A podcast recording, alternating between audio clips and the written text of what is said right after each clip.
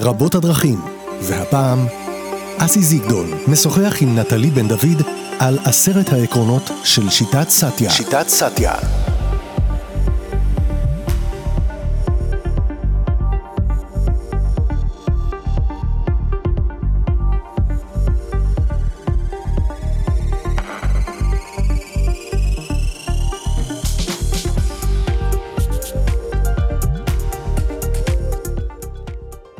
טרנספורמציה מתרחשת בדרך שבה המאמן מקשיב למתאמן ומשתמש בשבע רמות ההקשבה. אז הקשבה היא הבסיס? הקשבה היא הבסיס לטרנספורמציה. הקשבה למה? הקשבה לגדולה, מה שהיה בעיקרון תשע. Mm-hmm. זאת אומרת, אם אתה רוצה לחולל טרנספורמציה בחיי הזוגיות שלך, עם הילדים שלך, עם ההורים שלך, בטח עם לקוח, נדרשת הקשבה לגדולה שלו, לפוטנציאל של הגדולה שלו. לא תמיד אנשים יכולים לראות בן אדם אחר כנהדר ויכול ומסוגל וגדול, במיוחד אם יש הרבה מאוד משקעים מהעבר, או משקעים בהווה של יחסים עכורים. Mm-hmm. אז מאוד קשה להחזיק גדולה, אז, אז העניין הוא באמת, אה, זה גם למה גם באימון או בטיפול נשמר המרחק. בין המאמן למתאמן, כדי, כדי שתוכל לשמר את הגדולה של האחר. אם אתה קרוב מדי... אתה מזדהה? אתה מז... יותר ממזדהה, אתה יכול גם לחוש כל מיני דברים אה, רגשיים שיכולים אה, להעיב או, או ליצור בוז אחד כלפי השני. ו, ולכן היכולת להיות בתפקיד של המאמן או בתפקיד של המורה ולשמור על ריחוק מתאים, לא ריחוק כמו ניכור, ריחוק כמו אפשור לצד השני להביא את עצמו באופן מלא. זה, תחשוב על זה כמו מי אמור לתפוס את רוב המקום בחדר, זה המתאמן. Mm-hmm. זאת אומרת, הלקוח, זה, זה המקום שלו. כל פעם זה מקום של לקוח אחר, אבל זה המקום שלו. ואותו דבר גם כהורה, או גם כבן זוג, או גם כ- כ- כ- כאדם, בכלל לאדם. אנשים, יש להם מקום כשהם חווים קשב. איזשהו מקום שהם תופסים אותו, אני תמיד אומרת 90-10. 90 אחוז ה... הלקוח תופס במקלטו, 10 אחוז המאמן תופס בנוכחות שלו, אבל הוא בעצם תופס עשרה אחוז של קשב הם כמו מאה אחוז של מקום לצד השני. זאת אומרת שאם אני אקח ש... את זה עכשיו נגיד לשיחה זוגית, ואחד מדבר והשני מקשיב, אז הקשבה היא צריכה להיות טוטאלית. כן, הקשבה, אנחנו קוראים לה... אם, אם תשים לב, בעיקרון הזה יש שבע רמות של קשב. זו הייתה השאלה הבאה, כן. כן, וזה נקרא מודל הקשב, שלומדים אותו כשלומדים את שיטת סטיה בבית הספר. אה, אי אפשר לפרוט הת... אה, בקצרה כן, את שבע הרמות? כן, אני יכולה. אז הרמה הראשונה היא הרמה הכי מורכבת לבני אדם, הכי גופנית, הכי סיזיפית והכי מאתגרת, והיא הרמה של להקשיב עד שהאחר סיים לדבר ועוד קצת. אוקיי. ומה שקשה לו להקשיב זה לגוף שלנו. תראי כמה אני מקשיב לך פה, נטלי. הנשימה. אתה מקסים, אסי. שנינו יודעים שאתה מקסים. תודה, תודה, אני מקשיב. אתה יודע, שמעתי אה, שבוע שעבר, אה, נפגשה איתי מאזינה שלנו, שמאוד רצתה להיפגש איתי, שאמרה לי שהיא כל יום עושה הליכה עם התוכנית שלנו. כל יום היא מקשיבה שעה מאוד דימנד, והולכת איתי ואיתך לטייל. אה, יפה, זה כיף לשמוע. נשמע מקסים, לא? כן, ללוות אנשים בהליכה בדרך. ללוות אנשים בהליכה בדרך. את מלווה אותם תרתי משמע. כן. כן. וכן, והודיתי לה על זה כמובן, והיא בטח מקשיבה לנו. אה, היא לא יכולה להקשיב כרגע, כי, כי היא עובדת בשעות האלה, אבל... אה, ועוד משהו שמאמנת אמרה לי אתמול, שהספרית שלה שומעת באדיקות את התוכנית שלנו, אולי הספרית הזו שומעת עכשיו את התוכנית שלנו, ו- והיא אומרת, אני ישבתי בכיסא והיא סיפרה לי על העקרונות של שיטת סטיה, במקום שאני אספר. אלה שיחות ל... אלה שיחות יפות, כן. לספרית, כן. כן. לא, לא, אני בטוחה שיש אנשים... אני במספרה יש שיחות, אני אומר, אם השיחות הן אה, טרנספורמטיביות והווייתיות, זה מדהים. כן, אנשים שמים את זה ברקע. אפילו... אפילו, אה, אה, אתה יודע, בפיצוצייה אחת אמרו לי שאנחנו נמצאים ברקע. שאנשים נכנסים ו- ופתאום שומעים שיחה אחרת.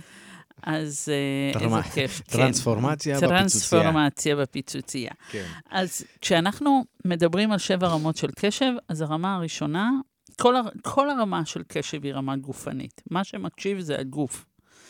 אה, כמו שהגוף מדבר, לגוף יש שפה משלו, הוא גם מקשיב.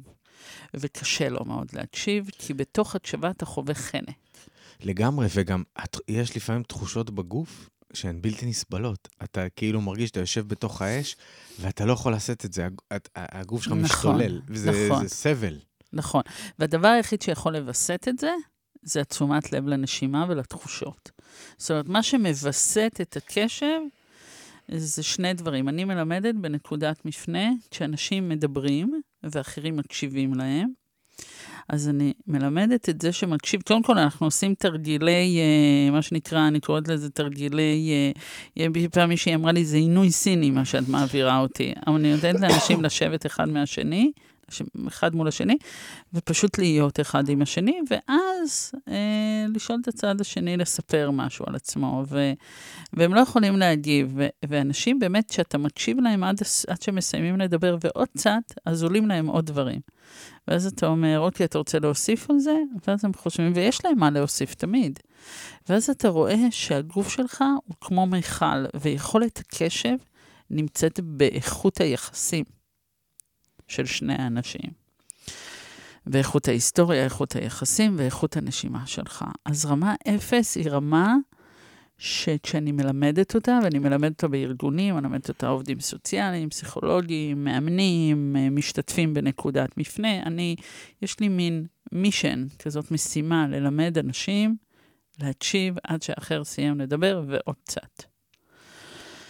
וככל שהם לומדים יותר לשים לב לנשימה שלהם ולמה שקורה להם בגוף, ככה המרחל מתרחב. אז זו הרמה הבסיסית, היא רמה אפס. למה אני קוראת לה אפס? כי אתה מכניס אפס מלל. אתה רק מיכל. הרמה השנייה היא רמת השיקוף הטהור, אני קוראת לזה. זו רמה שבעצם מאפשרת לך, מלמדים אותה בדרך כלל בגישור, או במשאים ומתנים, רמת השיקוף. זאת אומרת, אני אחזור על מה שאתה אמרת, יש גם שיטת אה, טיפול זוגי שנקראת אימאגו, שגם שם מלמדים את הצד השני לחזור על מה שאחר אמר. אה, וזו רמה מאוד מורכבת לאנשים, כי תמיד הם חושבים שמה שיש להם להגיד יותר חשוב ממה שנאמר, שזה שטות גמורה. אה, חשוב שהצד השני יכיר את מה שהוא אמר, ו- ושיקוף מאפשר לצד השני, אם למשל אתה דיברת, ואני אחזור מילה במילה אחרי מה שאתה אמרת, בלי לשנות, בלי לתקן, בלי לנתח, בלי להוסיף, בלי לגרוע, אני בעצם נותנת לך חוויה, שתי חוויות. אחד, הקשבתי לך עד שסיימת לדבר, ודבר שני, חזרתי על מה שאמרת כדי לראות אם אני הבנתי את מה שאמרת. מה שזה מאפשר לאנשים, אחד, זה נותן להם תוקף למי שהם. שתיים, זה מאפשר לאנשים לקחת אחריות על מה שהם אמרו, ולראות אם הם היו רוצים לשנות, לדייק, לאזן. והדבר אולי החשוב ביותר, זה יוצר המשך של דיאלוג. הרבה פעמים שיחות נעצרות או נתקעות בקונפליקטים, כי שני הצדדים לא השכילו לשקף או להבין את מה שנאמר. אז כל רמת קשב היא רמה מאוד מאוד מאוד מסיבית וחזקה. אולי, אולי נעשה יום אחד תוכנית על, על רמות קשב וניתן לאנשים, אתה יודע, תרגילים. אבל אני רציתי להגיד לגבי רמה אחת, היא הרמה שמפתחת ביטחון עצמי וחוסן נפשי אצל ילדים. כשאתה משקף ילד, קודם כל הוא המום מזה שהוא שמע את עצמו. והדבר השני, זה מפתח את החשיבה הביקורתית שלו והעצמאית שלו על מה שנאמר. כי הוא שמע את עצמו, הוא יכול להקשיב לעצמו, לא שינו אותו, לא תיקנו אותו, לא אה, ניתחו אותו, לא פירשו אותו, פשוט היו איתו. אז שיקוף זה גם רמה של שהות. אה, רמה שתיים זה, זה, זה, זה, זה גם לשקף, אבל כסיכום, ולשאול מתוך מה שנאמר. הרבה פעמים אנחנו שואלים מחוץ למה שאומרים לנו. ויש את רמה שלוש, שזה רמת ההפרדה והיחסיות, את רמה ארבע, להקשיב ל- לרעש, לפחד, למה שלא נאמר. אני טוענת שאנשים מדברים מתוך הפחדים שלהם, ומאמן צריך לדעת להקשיב לפחדים. רמה חמש היא רמה מאוד מאוד פורצת דרך, היא רמת המסקנות. ההקשרים. אנשים תמיד מדברים מתוך הקשר רחב, ואתה צריך להקשיב להקשר, ולחקור אותו, ולערער אותו, ולשבור אותו. אז זה רמה חמש. רמה שש היא רמת ה... ה... היחסים עם, עם, עם המחויבות שלנו, היא רמת המחויבות. ורמה שבע היא רמת ההוויה. מי אני שהאחר הוא, או מי אני שהחיים שלי נראים כפי שהם נראים. זו רמה של בוץ בבטן, היא רמה מורכבת בדרך כלל לאנשים. מצד שני, היא רמת האי-ודאות. ורמת ההוויה, הקשבה להוויה זו הרמה הכי גבוהה של הקשבה. לוקח לי שנה ללמד את כל הרמות האלה לעומק, ואין סוף שנים ללמד אותם באופן מאוד רחב ומקיף. הן כל הזמן מתפתחות, אה, וזה מה שמלמדים, וזה מה שאני מלמדת את המאמנים, קשב. אה, שזה די מדהים שלא מלמדים את זה כמעט.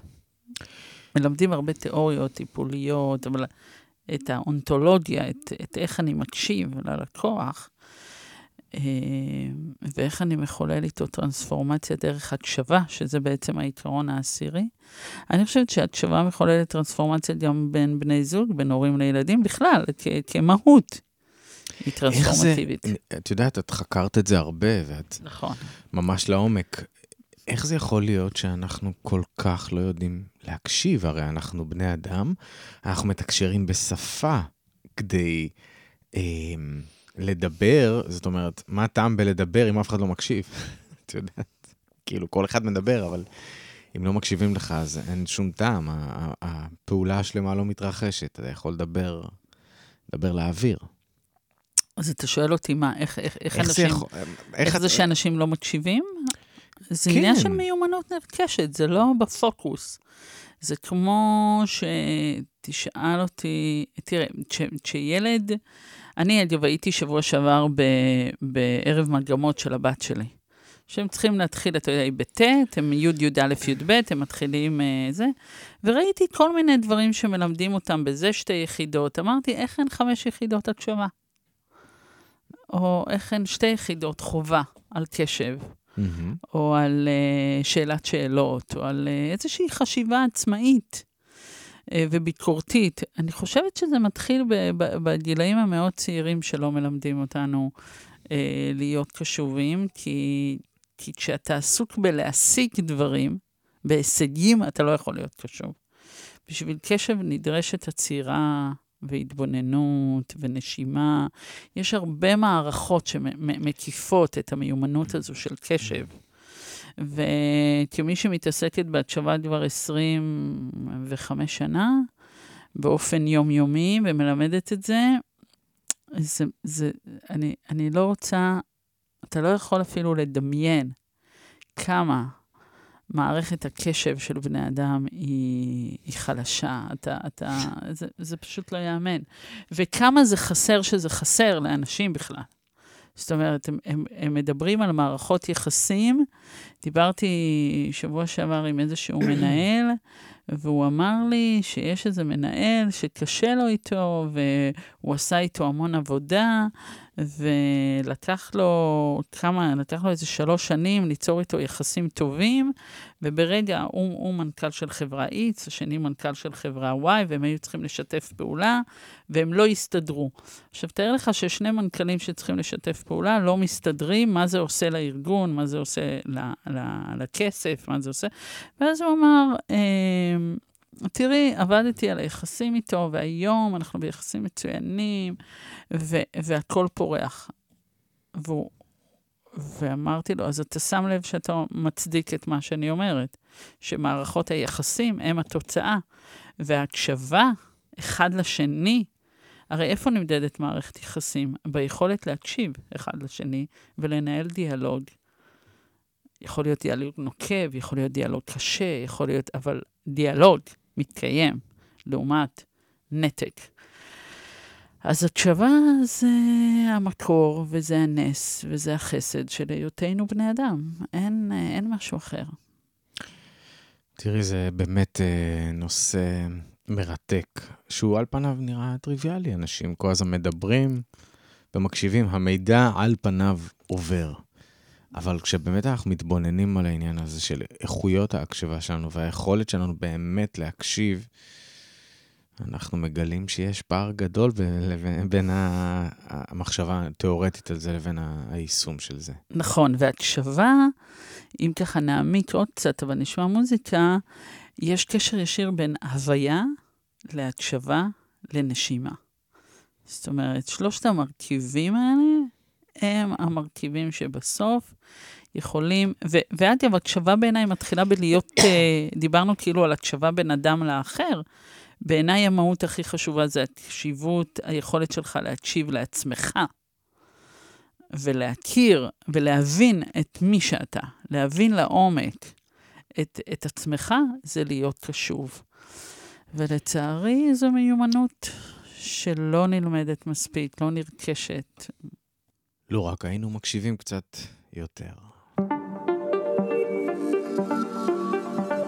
רבות הדרכים, והפעם אסי זיגדון משוחח עם נטלי בן דוד על עשרת העקרונות של שיטת סטיה. שיטת סטיה.